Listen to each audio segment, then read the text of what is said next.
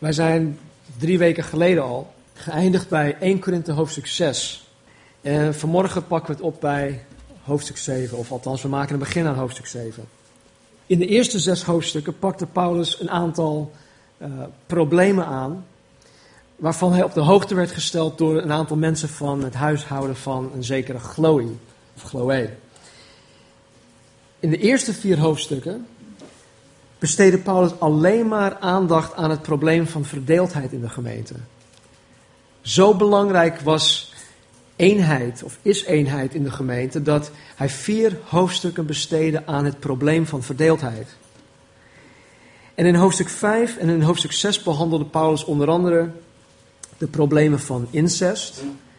De man die dus uh, een verhouding had met zijn stiefmoeder. Hij behandelde het probleem uh, van rechtszaken tussen gelovigen. Uh, hun onwil om elkaar te vergeven. En hij behandelde ook het probleem uh, van hoererij, ofwel alle vormen van buitenechtelijke seks binnen de gemeente.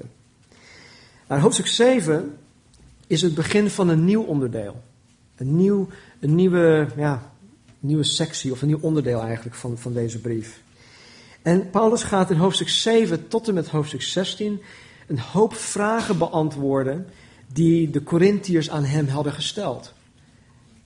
Wij, wij, lezen deze brieven van Paulus en we denken van nou, het is normaal dat uh, de apostel uh, een brief heeft geschreven, maar het was ook normaal dat de gemeenten brieven aan de, aan de apostelen hadden geschreven.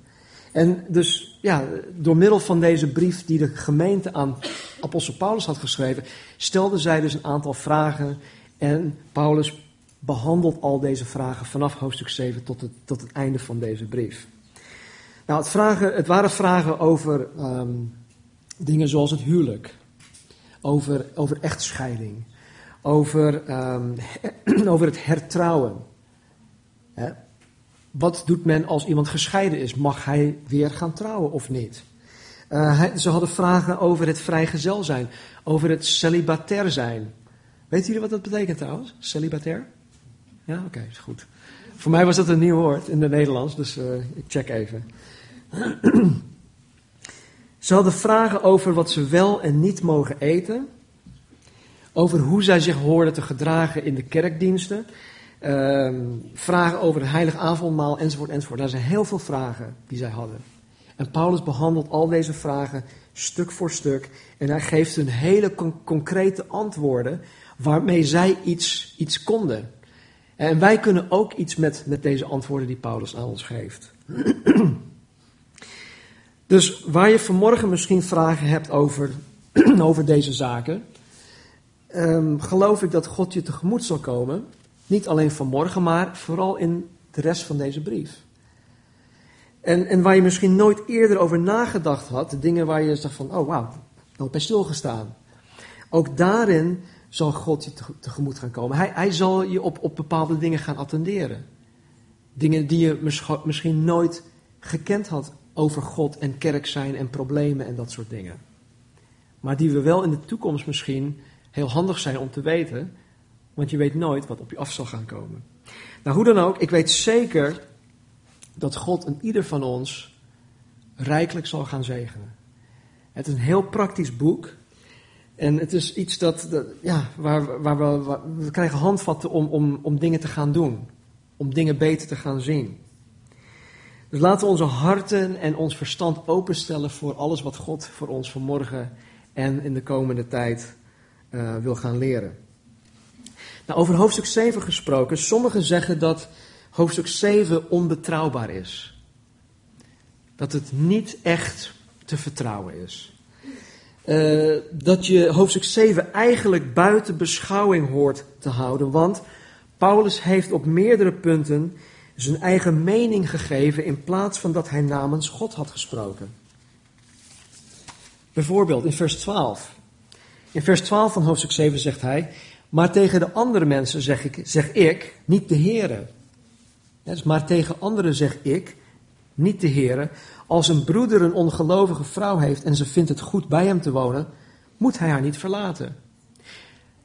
Hij zegt dus tegen, tegen, tegen deze mensen zeg ik. De Heere zegt het niet, maar ik zeg het. In vers 25 zegt hij dit. Wat de ongehuurde jonge vrouw betreft, heb ik geen gebod van de Heere. Ik geef echter mijn mening als iemand die barmhartigheid van de Heere heeft gekregen om trouw te zijn. In vers 10 zegt hij dit. Maar de gehuurden beveel ik. Dan zegt hij niet ik, maar de Heere. Dat een vrouw niet zal scheiden van haar man. Het lijkt erop alsof Paulus onderscheid maakt tussen datgene dat de Heer heeft gezegd en datgene dat zijn eigen mening is. En daar is wel onderscheid in te maken. Maar niet in de zin dat het ene wel door God geïnspireerd is en het andere niet. En want uh, ik geloof dat Paulus, of, ja, of wat Paulus hiermee bedoelt, is dat waar de Heer reeds in zijn woord, dus in de Bijbel, of in de andere brieven die Paulus toen had, uh, dat waar de Heer reeds in zijn woord een gebod heeft gegeven onder het onderwerp, Paulus zegt dat, dat de Heer dat zegt.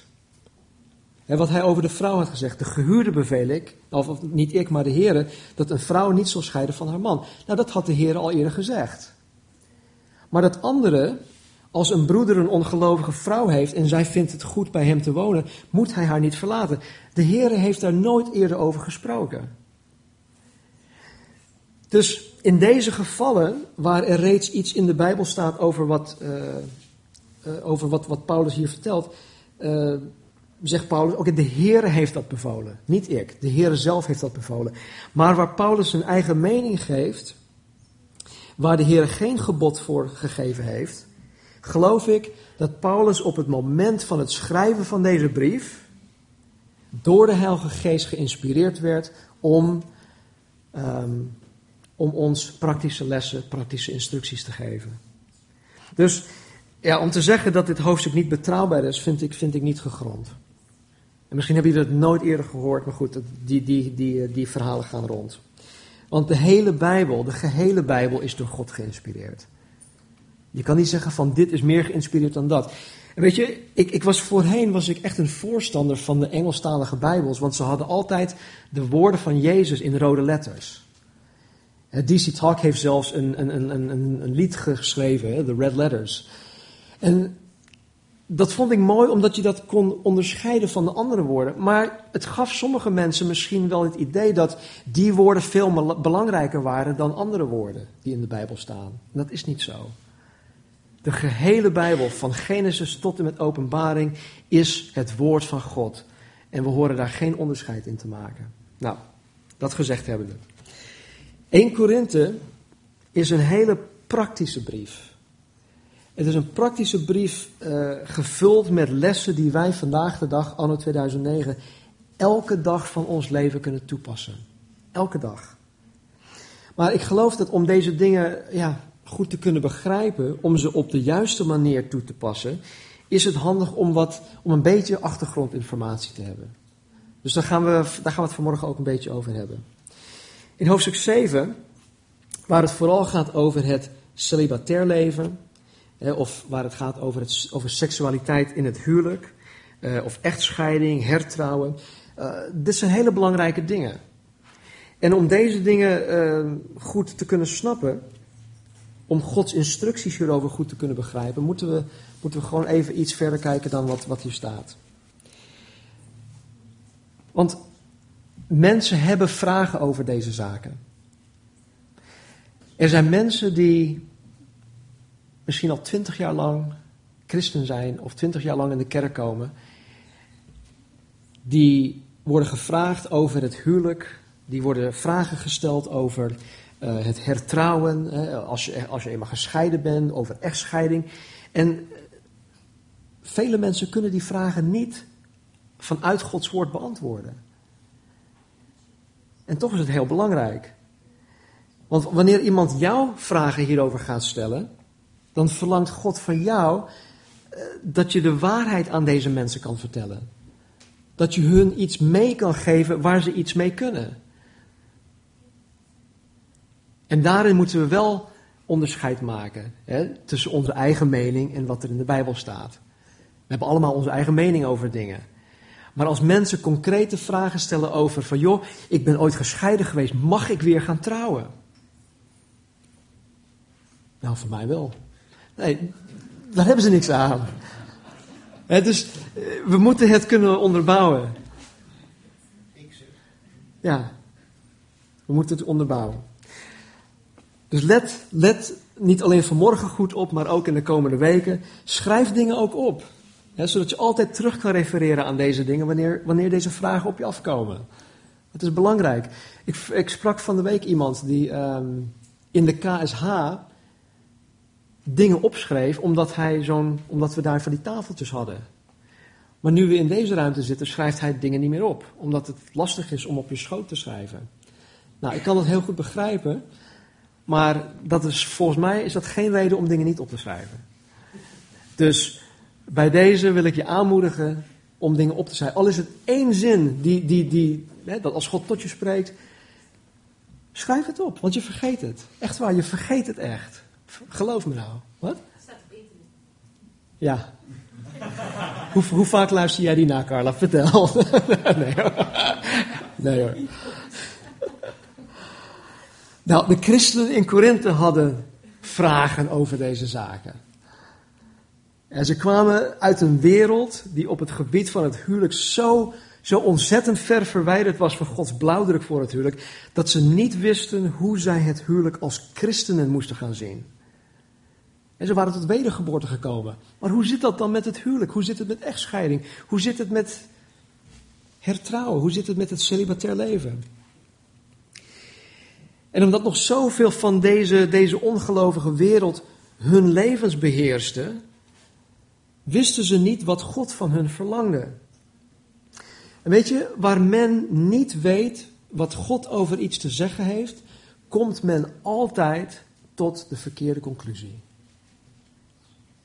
Als je niet weet wat God over iets zegt, dan wil ik je nou, 100% garanderen dat je tot een verkeerde conclusie zal gaan komen. Althans, dat is in mijn beleving zo. Nou, de wereld waaruit zij kwamen, kende in principe vier verschillende vormen van het huwelijk. Vier. Slaven en slavinnen werden als bezittingen van hun eigenaren beschouwd. Ze hadden geen publieke rechten, ze konden niet stemmen, ze hadden ook geen privérechten. Ze mochten helemaal niks. Ze hadden geen rechten. Ze mochten volgens de wetgeving, de Romeinse wetgeving, dus ook niet trouwen. Dat mocht niet. Dat was hun niet toegestaan. Als zij een levenspartner wilden hebben, van stel van joh, ik ben verliefd, zij is verliefd op mij, ik wil heel graag gaan trouwen met die persoon. Als ze dat wilden, dan zou hun eigenaar hun toestemming kunnen geven om samen te wonen. En dan mochten ze samenwonen in een, in een van die vier huwelijksvormen en dat heette een contubernium. Dat hoef je niet op te schrijven hoor. Maar dat, het heet een contubernium. In een contubernium mocht het echtpaar zo lang bij elkaar blijven als hun eigenaar het toestond. Dus de eigenaar van de slaven had de touwtjes in handen. De eigenaar had het recht om op elk willekeurig tijdstip het contubernium te beëindigen. Sterker nog, de eigenaar had het recht om een partner zelfs te wisselen. En stel dat Marnie en ik slaven en slavinnen waren en we hadden een eigenaar. Hij zegt van joh, nee, ik vind jullie toch, toch niet echt een leuk stel. Uh, die past beter bij jou of, of whatever. Dan had hij het recht om dat te doen. Nou, veel van de eerste christenen, ook in de eh, gemeente van Korinthe, waren slaven. Dus het kan heel goed zijn dat een aantal leden van de kerk in Korinthe in dit soort relaties zaten of gezeten hebben. Een tweede huwelijksvorm was usus. Wat simpelweg betekent dat het stel minstens één jaar samenwoonde en dat ze de intentie hadden om ooit een keer te gaan trouwen. Nou, dat zien we vandaag de dag ook. Er zijn veel mensen in deze ususvorm van het huwelijk. Een derde huwelijksvorm was, dat moet je echt niet, echt niet onthouden, coemptio in manum. Wat betekende dat de vader van de bruid haar verkocht aan haar man. De bruid en al haar bezittingen werden zijn eigendom. En de vierde huwelijksvorm was conferatio, waarop de hedendaagse bruiloft is gebaseerd. Dus wat wij vandaag de dag doen in een bruiloftsceremonie, dat stamt af van deze vorm. Nou, op deze bruiloft waren onder andere beide families aanwezig. Hè, natuurlijk vrienden, kennissen ook. Er waren getuigen aanwezig. Dat was noodzakelijk. Er was zelfs een bruidstaart en een bruidsboeket. Kortom, het was een, een groot feest. Net zoals het vandaag de dag is. Ook droeg de bruid een sluier. En het plaatsen van de trouwring op de derde vinger van de linkerhand maakte deel uit van de ceremonie. Als ik het goed heb, is het hier in Nederland zo dat de katholieken hun trouwring op hun linkerhand hebben en de protestanten op hun rechterhand. Ja? Oké. Ik heb het goed. Ja, in Amerika is het ook altijd de linkerhand. Ja. Nou, door, door secties te verrichten, leerden de, leerden de Romeinen dat er een zenuw aanwezig was in deze vinger, die rechtstreeks aan het hart verbonden was. Dus vandaar dat ze deze vinger hadden gekozen. Ze dachten van, joh, deze vinger heeft een zenuw die is rechtstreeks verbonden aan het hart, dat is de juiste vinger. Nou, of dat echt zo is, dat weet ik niet. Dat heb ik niet kunnen bevestigen. Dat was hun idee. En uh, het is tot nu toe zo gebleven. Nou, deze vorm, conferatio, werd ook door de Rooms-Katholieke Kerk geadopteerd. En door de eeuwen heen is er weinig in veranderd. Er zijn natuurlijk wel christelijke um, invloeden ingekomen, want dit is eigenlijk een heidens feest. Maar het bidden voor, het zegenen van, handoplegging, het, het, het rechterhand vasthouden, um, het, het, het, plaatsen van de ring op je ringvinger, al dat soort dingen, die, die kwamen uit deze heidense vorm van het huwelijk. Alleen nu hebben we het een christelijke tint gegeven door te zeggen dat we het in de naam van de God, de Vader, de Zoon en de, en de Heilige Geest doen. En daar is niks mis mee.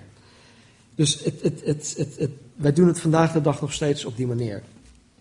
Maar goed, ondanks dat er zoveel aandacht werd besteed aan deze bruiloften, was echtscheiding in die tijd de normaalste zaak van de wereld. Het was in die tijd zelfs erger dan het, dan het nu is. Het was toen mogelijk dat mensen zo'n twintig keer in hun leven getrouwd waren. Sommigen misschien wel zelfs, zelfs meer. Er werd ook van hun gezegd dat men hun, hun, hun jaren, hun leeftijd konden tellen aan het aantal huwelijken die ze hebben gehad.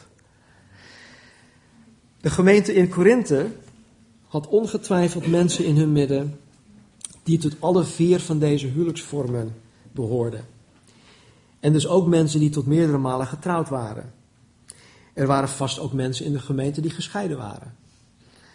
Uit deze brief zien we dat sommigen zelfs het idee hadden, of het idee hadden gekregen, dat wegens hun slechte ervaringen het huwelijk niet goed was.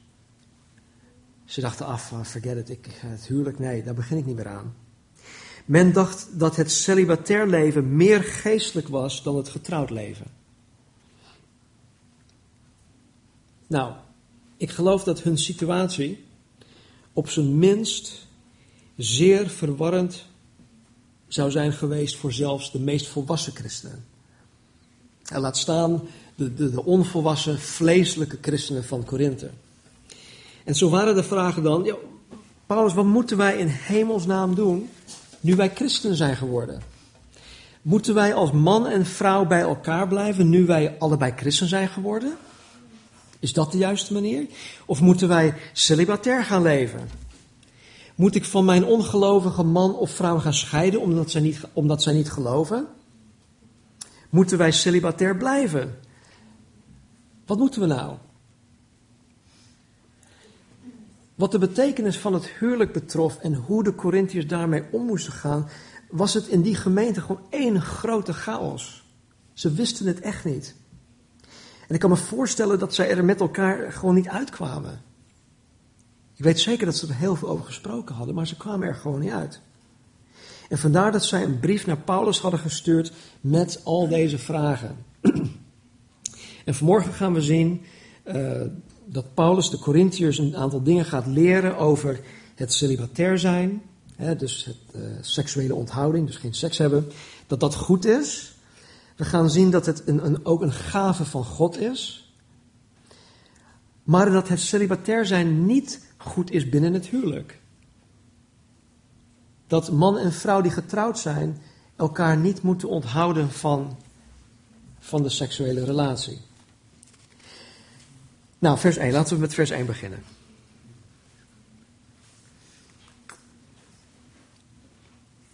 Paulus zegt: Wat nu de dingen betreft waarover u mij geschreven hebt. Het is goed voor een man om geen vrouw aan te raken. Maar laat vanwege allerlei vormen van hoererij iedere man zijn eigen vrouw hebben en iedere vrouw haar eigen man. Laat de man aan zijn vrouw de verschuldige bereidwilligheid betonen en evenzo ook de vrouw aan haar man. De vrouw heeft geen vrije beschikking over haar eigen lichaam, maar de man. En evenzo heeft ook de man niet de vrije beschikking over zijn eigen lichaam, maar de vrouw. Onttrek u niet aan elkaar, behalve met onderling goedvinden voor een bepaalde tijd, om u te wijden aan vasten en bidden. Kom daarna weer bij, weer bij elkaar, opdat de Satan u niet zal verzoeken, omdat u zich niet kunt onthouden. Um, dit zeg ik echter om u tegemoet te komen, niet om te bevelen. Want ik zou wel willen dat alle mensen waren zoals ikzelf. Maar ieder heeft zijn eigen genadegave van God. De een op deze wijze en de andere op die wijze. Tot zover. In vers 1 heeft Paulus het over het aanraken van een vrouw. Weten jullie wat een eufemisme is? Ja? Nee? Uh, ik had het aan uh, Kendall gisteren gevraagd. Zo, ja, dat had ik ooit in Nederlandse les gehad. Het is een begrip die ik eigenlijk wel moet kennen. nou, een, eufemisme is, ja, in het Engels is het euphemism. En het is een, een woord die gebruikt wordt om een ander woord of een begrip te verzachten of te, te verbloemen. Dus in dit geval is um, um, het, het, het, het, aanraken van een vrouw een, um, een eufemisme voor het seks hebben met een vrouw. En in het Oude Testament kennen we nog meer van dat soort, dat soort uitspraken. Bijvoorbeeld in, in de Bijbel staat er ook dat een man zijn vrouw kent. Het kennen van een vrouw is ook het seks hebben met zijn vrouw. Dat is ook een eufemisme. Dus um, het, in die tijd was dat een bekende Joodse eufemisme. In Genesis hoofdstuk 20, vers 6 uh, hebben het verhaal van uh, Abraham en Sarah. En ze komen ergens terecht en uh, ze komen bij een bezekerde koning Abimelech. Of Abimelech, ik weet niet hoe je het zegt in het Nederlands, ja. In het Engels is het Abimelech. En ze hadden tegen, tegen deze koning gelogen. Ze hadden gezegd van, joh, Sarah is mijn zus. Dus die koning had haar als een ja, als een vrouw uh, in zijn harem genomen. Maar in een droom zei God tegen, tegen Abimelech: Luister, je moet die vrouw niet aanraken, want ze is de vrouw van een ander. En hij zei, God zei tegen, hem, tegen, tegen deze man: uh, Ik heb u ervan weerhouden aan te raken. Dus wat hij hier tegen, tegen de koning zegt, is: ik heb u ervan weerhouden. Ik heb je tegengehouden om te zondigen door seks met die vrouw te hebben. Ik heb je weerhouden om haar aan te raken. Of ik heb je ervan weerhouden haar aan te raken. In Spreuken 6, vers 29 staat er iets, dat is een, ja, een heel verhaal, maar er staat dit. Zo vergaat het degene die bij de vrouw van zijn naaste komt. Niemand die haar aanraakt blijft ongestraft. Dus ik mag de vrouw van mijn naaste niet aanraken. En dan heeft de Bijbel het niet over een schouderklopje of een hug of iets dergelijks. Maar het aanraken heeft te maken met het bedrijven van seks met een andere vrouw. Het idee van aanraken betekent dus seks met haar hebben. Nou, en wat Paulus hier zegt, is dat het goed is voor een man om geen seks te hebben met een vrouw. Hij bekent dat, hij geeft het toe. Met andere woorden, hij zegt: Het is goed voor een christelijke man om vrijgezel te zijn, om celibatair te zijn. Het is goed. Paulus zegt hier niet dat het vrijgezel zijn beter is dan getrouwd te zijn. Hij zegt simpelweg dat het vrijgezel zijn, zolang je celibatair blijft, goed kan zijn voor de christen. Er is dus niets mis met een christen wanneer hij of zij vrijgezel is. Maar ondanks dat God in het oud verbond ruimte gaf aan mensen om vrijgezel te blijven, zagen de Joden het huwelijk als de ultieme staat voor de mens. In hun ogen moest iedereen trouwen. Iedereen. De Joden zagen het vrijgezel zijn zelfs als ongehoorzaamheid aan Gods gebod om vruchtbaar te zijn, talrijk te worden en de aarde te vervullen. Dus je was ongehoorzaam als je niet getrouwd was, in de ogen van de Joden. Dus het kan mogelijk zijn dat de Joodse christenen in Korinthe de vrijgezellen onder druk zetten om te gaan trouwen. Kan, weet het niet zeker. Maar weet je, dit gebeurt vandaag de dag in de kerk nog steeds. Gebeurt waarschijnlijk op de Bijbelschool ook. Hoe vaak wil men de alleenstaande in de gemeente niet gaan koppelen met andere alleenstaanden? Ik ken een, een voorganger in, uh, in Celje in uh, Slovenië. Is een, uh, een, goede vriend van, van ons. Hij is een, een jonge man, ziet er heel mooi uit. Knappe gozer. En heel veel meisjes, heel veel vrouwen die, die, die aanbaden hem, als het ware. Hij is op zijn 33ste jaar getrouwd. Hij is op zijn 23ste jaar als voorganger, als missionary in het zendingsveld gegaan. Dus tien jaar lang heeft hij als zendings, als missionary, als voorganger van deze, deze, deze gemeente gediend. En elke keer als hij mensen tegenkwam, joh, ben je nog niet getrouwd? Waarom? Oh, ik, ik ken iemand, hé, ik ken... nou, weet je, ik, ik ken hem en, en hij zou het nooit zo zeggen, maar ik weet van binnenin dat hij het spuugzat was. En hij weet, hij had zelf de overtuiging dat er iemand was die God op het oog had voor hem, alleen had hij die persoon nog niet ontmoet. Nou, twee jaar geleden had hij haar inderdaad ontmoet. En afgelopen, afgelopen oktober is hij met haar getrouwd. Nou, dat is, ik, ik vind het fijn om, om, om, om, ja, om hem dan ook zo mee te maken als, als getrouwde man. Maar ik, ik heb ook zijn, zijn pijn en zijn teleurstelling in mensen ervaren. Dat mensen dat pushten van, joh, je moet gaan trouwen, je moet gaan trouwen. Eh, ik ken iemand, oh, koppelen. En dat hele gebeuren. Dus dat gebeurt. En ik geloof dat wij vandaag de dag, ook door de maatschappij, dat wij vandaag de dag hebben, uh, het idee hebben dat het vrijgezel zijn, het, het celibatair zijn, dat dat raar is. Dat het niet hoort. Dat iedereen een levenspartner hoort te hebben, dat iedereen getrouwd hoort te zijn. Maar is dat waar? Eh, hoort elke christen getrouwd te zijn? Nou, daar kom ik zo meteen op terug. Dus aan de ene kant had je misschien de Joden die het huwelijk pushten. En aan de andere kant waren er misschien ook mensen in de kerk die wegens hun losbandig leven, voordat zij tot geloof waren gekomen, helemaal geen relatie meer wilden hebben. En ze wilden per se celibatair blijven.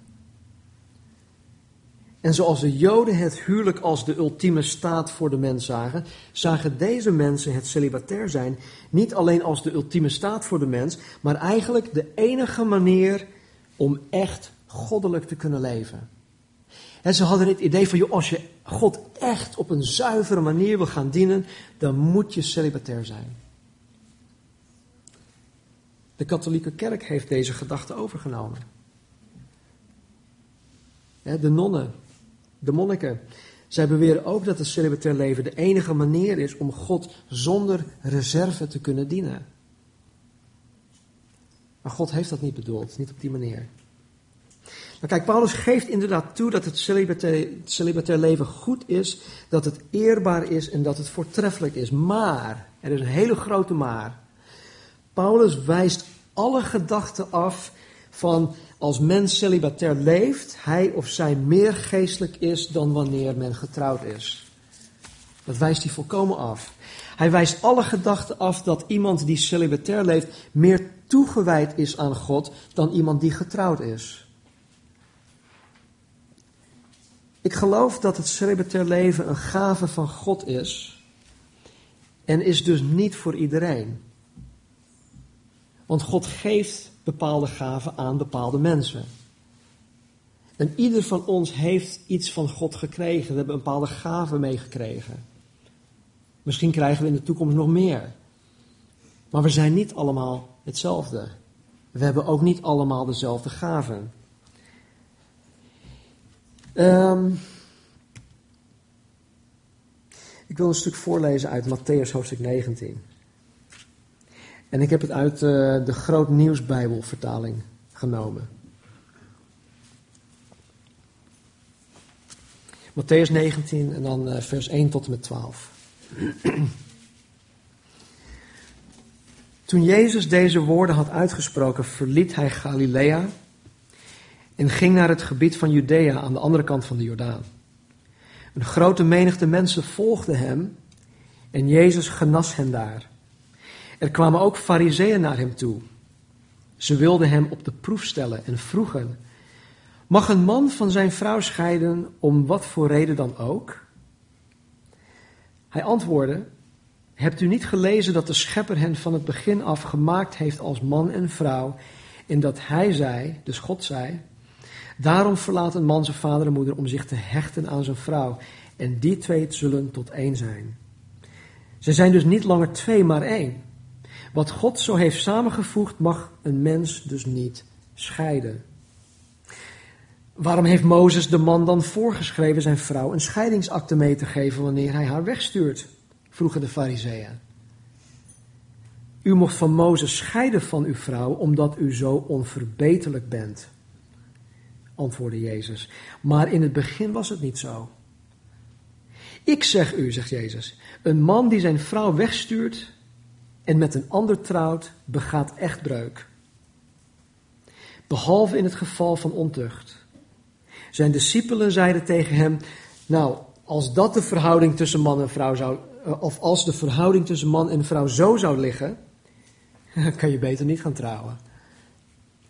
Toen zei Jezus: Niet iedereen staat open voor wat ik nu ga zeggen, antwoordde hij. Alleen zij aan wie het gegeven is. Er zijn mensen die niet kunnen trouwen, omdat ze nu eenmaal zo geboren zijn. En dan heeft hij het over het gecastreerd zijn. En je bent niet in staat om je huwelijksplicht, om, om daaraan te voldoen. Er zijn er die niet kunnen trouwen, omdat ze zo door mensen voor het huwelijk ongeschikt zijn gemaakt. Er zijn mensen bij die, die dus door andere mensen gecastreerd zijn. Dat zijn die eunuchs die dus in, in, in het hof van een koning bijvoorbeeld uh, de harem be, bewaken. Die zijn gecastreerd. Waarom? Anders gaan zij met de harem uh, uh, rare dingen doen. En dan zegt Jezus, maar er zijn ook die van het huwelijk afzien met het oog op het hemelse koninkrijk. Laat wie dat kan ervoor openstaan. Tot zover. Dus Jezus zegt hiermee, alleen zij aan wie het gegeven is, staat hiervoor open. En dan zegt hij, er zijn ook die van het huwelijk afzien met het oog op het hemelse koninkrijk, laat wie dat kan ervoor openstaan.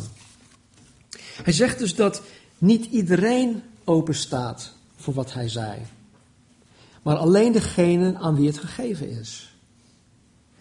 Vervolgens zegt Jezus dat degenen die ervoor gekozen hebben om celibatair te leven, het hun gegeven is door God.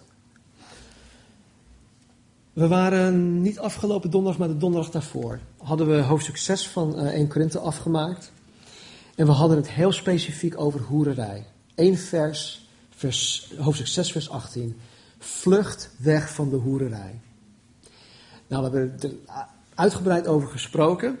En we hadden toevallig, of toevallig, we hadden Fabian Lemet bij ons op bezoek. Fabian had Hugo ook meegenomen en een aantal andere mensen uit verschillende plekken van het land. Maar Fabian, die is 16 jaar geleden tot geloof gekomen. Daarvoor was hij echt een player. Hij, hij, had verschillende vrouwen en, en zelfs op, op dezelfde avond had hij dan ook meerdere vrouwen en noem maar op. Hij was gewoon een player. Maar hij kwam tot geloof en God had het op, op zijn hart gedrukt van Fabian, je moet hier nu mee stoppen. Je moet je bekeren. Nou, om een heel lang verhaal kort te maken, Fabian is dus 16 jaar lang nu celibatair. Hij heeft 16 jaar lang geen relatie gehad. Hij heeft 16 jaar lang geen seks gehad met een vrouw. Hugo, die ook bij hem was, die was iets meer bescheiden. Hij kwam er niet maar zo voor, voor, vooruit of overuit. Die zei achteraf tegen mij, zei, weet je Stan, ik ben ook rijkelijk gezegend. Ik ben al tien jaar lang celibatair. En een andere vrouw die in ons midden was, die zei, nou, ik ben al vier jaar lang celibatair. Dit zijn volwassen mensen. Fabien is 40-plusser. Hugo is ook een is 30-plusser. Ze hebben daarvan geproefd, maar ze hebben nu gekozen om het niet te zijn. God heeft hun, in mijn optiek, denk ik, hun de gave gegeven om het te kunnen doen. Anders redden ze het niet. Anders trek je het niet. Dus Fabian heeft eh, in mijn optiek het wel gekregen. Dus hoort elke christen getrouwd te zijn. Ik geloof dat Paulus ons hier zegt dat het celibatair leven goed is, mits het je door God gegeven is. Dus niet elke christen moet per se trouwen. Want sommigen hebben de gave van het celibatair leven gegeven of gekregen als een geschenk van God. Nou, even, doe even mee. Wie van jullie zijn vrijgezel? Which one of you guys are, are single? Oké, hou je hand omhoog, hè? Wie van jullie hopen ooit te gaan trouwen? Kijk, kijk rond, kijk, kijk rond. Nee hoor. Oké. Oké, jullie die, oké, je kan je hand uh, neerzetten, put your hands down. Jullie die vrijgezel zijn en die ooit de hoop hebben om te gaan trouwen, ik geloof niet dat jullie de gave van het celibatair leven hebben gekregen. Hebben jullie opgelet?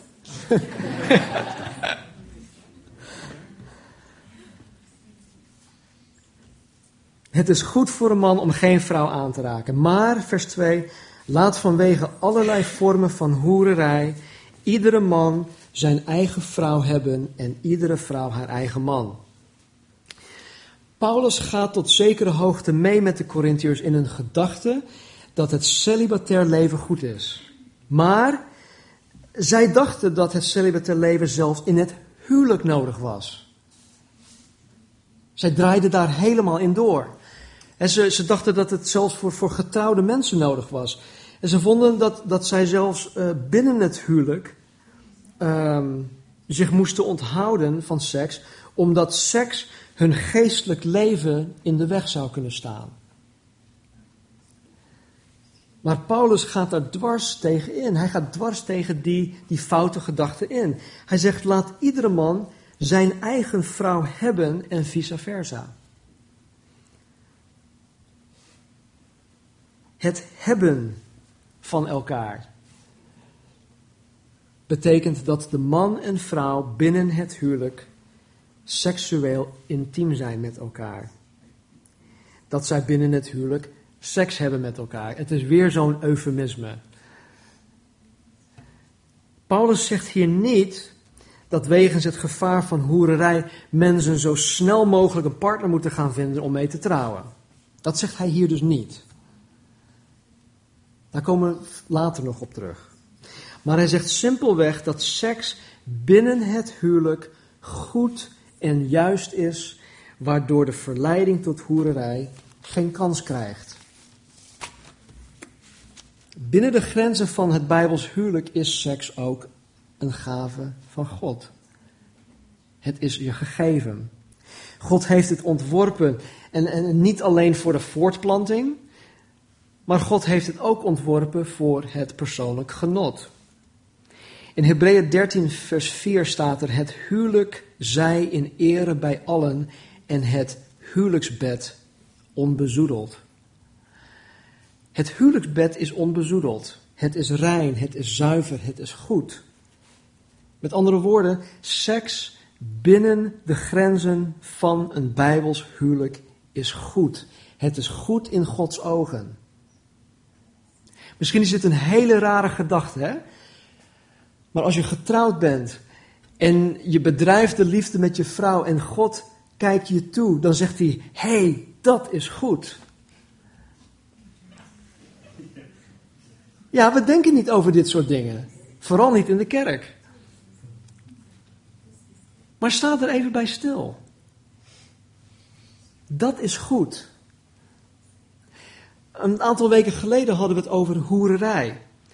En Paulus zei tegen de, tegen de mensen: Weet je niet dat je lichaam een tempel is van de Heilige Geest? Waarom zou je Jezus Christus verbonden met een, met, verbinden met een prostituee? Nou, het idee van, het lich, van, het lich, van je lichaam eh, dat het een tempel is, moet je ook zo kunnen zien. Stel je voor dat je, dat je of als getrouwde man of, of als alleenstaande man hier in het huis van God, hè, wat, wat we nu, het, is nu, ja, het is nu het huis van God omdat we kerk hebben, dat je hier met een hoer de liefde zou gaan bedrijven. Zou je dat doen?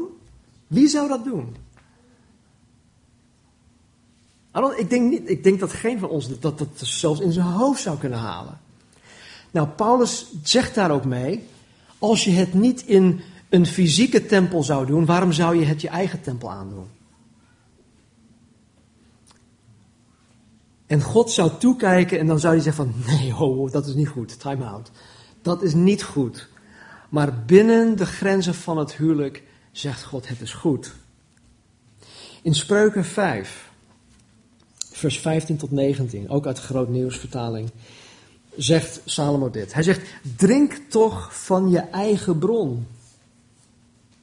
Hij heeft het over een man en zijn vrouw. Drink van je eigen bron. Haal het water uit je eigen put. Anders stroomt het weg over straten en pleinen. Het is er voor jou alleen. Geef het niet uit handen. Dan zal er zegen rusten op je bron. Je zult je verheugen over de wijsheid, de vrouw van je jeugd. Zij is lieflijk als een hinde, bekoorlijk als een hert. Drink, luister, drink je dronken aan haar borsten, dwaal rond in haar liefde. Jongens, dit staat in de Bijbel.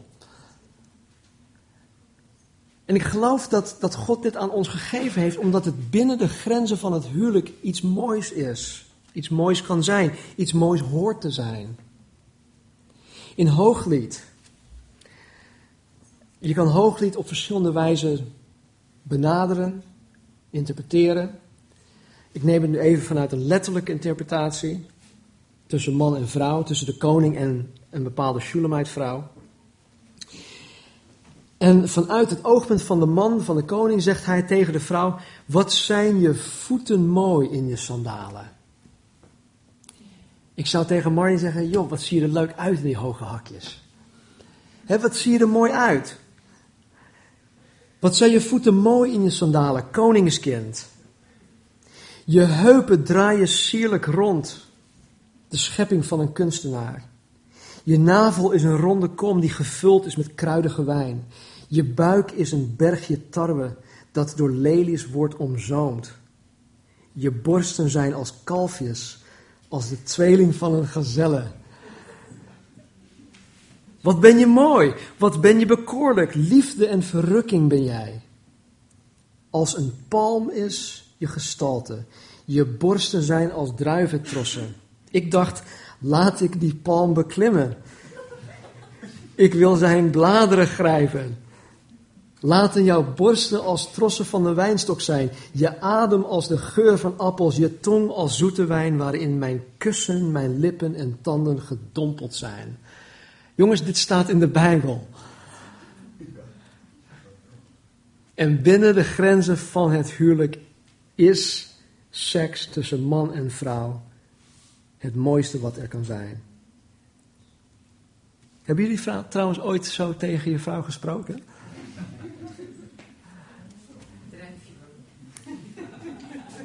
Bij deze mag je de Bijbel citeren. Hè?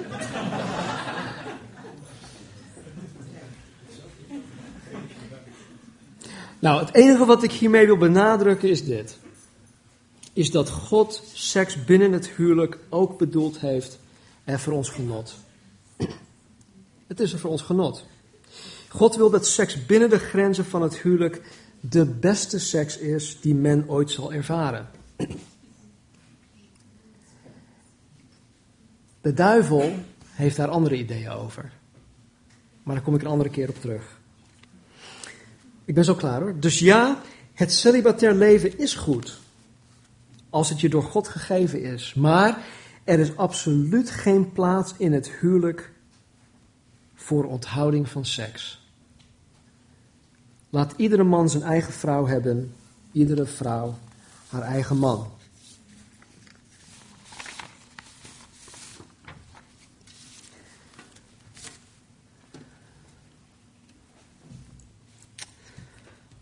Um, ik moet stoppen. Want ja, de volgende verse, eigenlijk de rest van het hoofdstuk, of dit, dit, gedeelte, dat hoort bij elkaar. En daar hebben we niet genoeg tijd voor om het vanmorgen met elkaar uh, ja, de aandacht te geven uh, die het verdient. Dus ik stop hier, ik laat jullie even hangen. En um, dan gaan we volgende week uh, verder. Uh, volgende week gaan we verder met uh, de plicht van de man en de vrouw. De plicht om, van de man om zijn vrouw seksueel te bevredigen. En de plicht van de vrouw om haar man seksueel te bevredigen. We zullen ook gaan kijken naar uh, iets dat in sommige gevallen. waar seks gebruikt wordt als een vorm van manipulatie om, je, om je partner te manipuleren. Uh, daar gaan we volgende week ook naar kijken. Laten we bidden. Vader, ik dank u voor, uw, voor uw liefde, voor uw woord. Dank u voor deze mooie stukken ook, Heer, in spreuken en, en hooglied. En heren, dat ik persoonlijk ook heb mogen ervaren, heren, dat u gegeven heeft goed is. En dat het ook uw goedkeuring heeft. Vader, ik dank u voor het celibatair leven. Ik dank u dat u het aan sommige mensen gegeven heeft. En Heer, we zien de vruchten daarvan. We zullen in de komende ja, versen ook zien, Heer, dat, dat het vrijgezel zijn en het getrouwd zijn beiden een voor- en nadelen hebben. En Heer, we zullen ook zien dat um, ja, dat u, waar, u, waar u ons in geroepen heeft, het zij het celibatair zijn of getrouwd zijn, Heer, dat u ons daarin zegent. Dat u ons daarin de kracht geeft. Dus ik dank u daarvoor, Vader. Ik dank u voor het huwelijk. Wat een geweldig idee van u om het huwelijk in te stellen. Dank u wel voor mijn vrouw, Heer. Ik dank u voor alle huwelijken, heren, in de Cross Culture Calvary Chapel. En ik dank u, Vader, dat u um, aan het werk bent. In de huwelijken, in de mannen, in de vrouwen. En Heer, ik bid dat u, Jezus Christus, een weer, dat, dat ons huwelijken, dat onze huwelijken een weerspiegeling mag zijn, Heer, van de relatie tussen u, Jezus, en de gemeente. Dat onze huwelijken ook een getuige mogen zijn, Heer, voor de, de, de lege, eenzame wereld om ons heen. En vader, ik dank u voor de gave van, ja, van, van relaties. Het huwelijk, de vriendschappen, broers en zussen. Het lichaam van Jezus Christus. Help ons, Vader, om wat u ons gegeven heeft, Heer, om dat te beschermen, om daarover te waken. En heren, om in te zien wat een, een gave u ons gegeven heeft. Dank u wel, Heer. Zegen, Heer, en ieder. Heren, waar het in sommige huwelijken, heren, vandaag de dag zelfs, hier in ons midden, ehm, het niet goed gaat, Heer, op dit gebied. Help hen, Heer. Help hen. En, en help ons, Heer, help ons als gemeente hen ook, ook bij te staan. Om naast hen te staan. Geef ons een gevoeligheid, Heer, voor elkaar. Dat we elkaar kunnen helpen. Heer, in uw liefde, in uw genade, in uw wijsheid. Op basis en op grond van uw woord, uw waarheid. In Jezus' naam. Amen.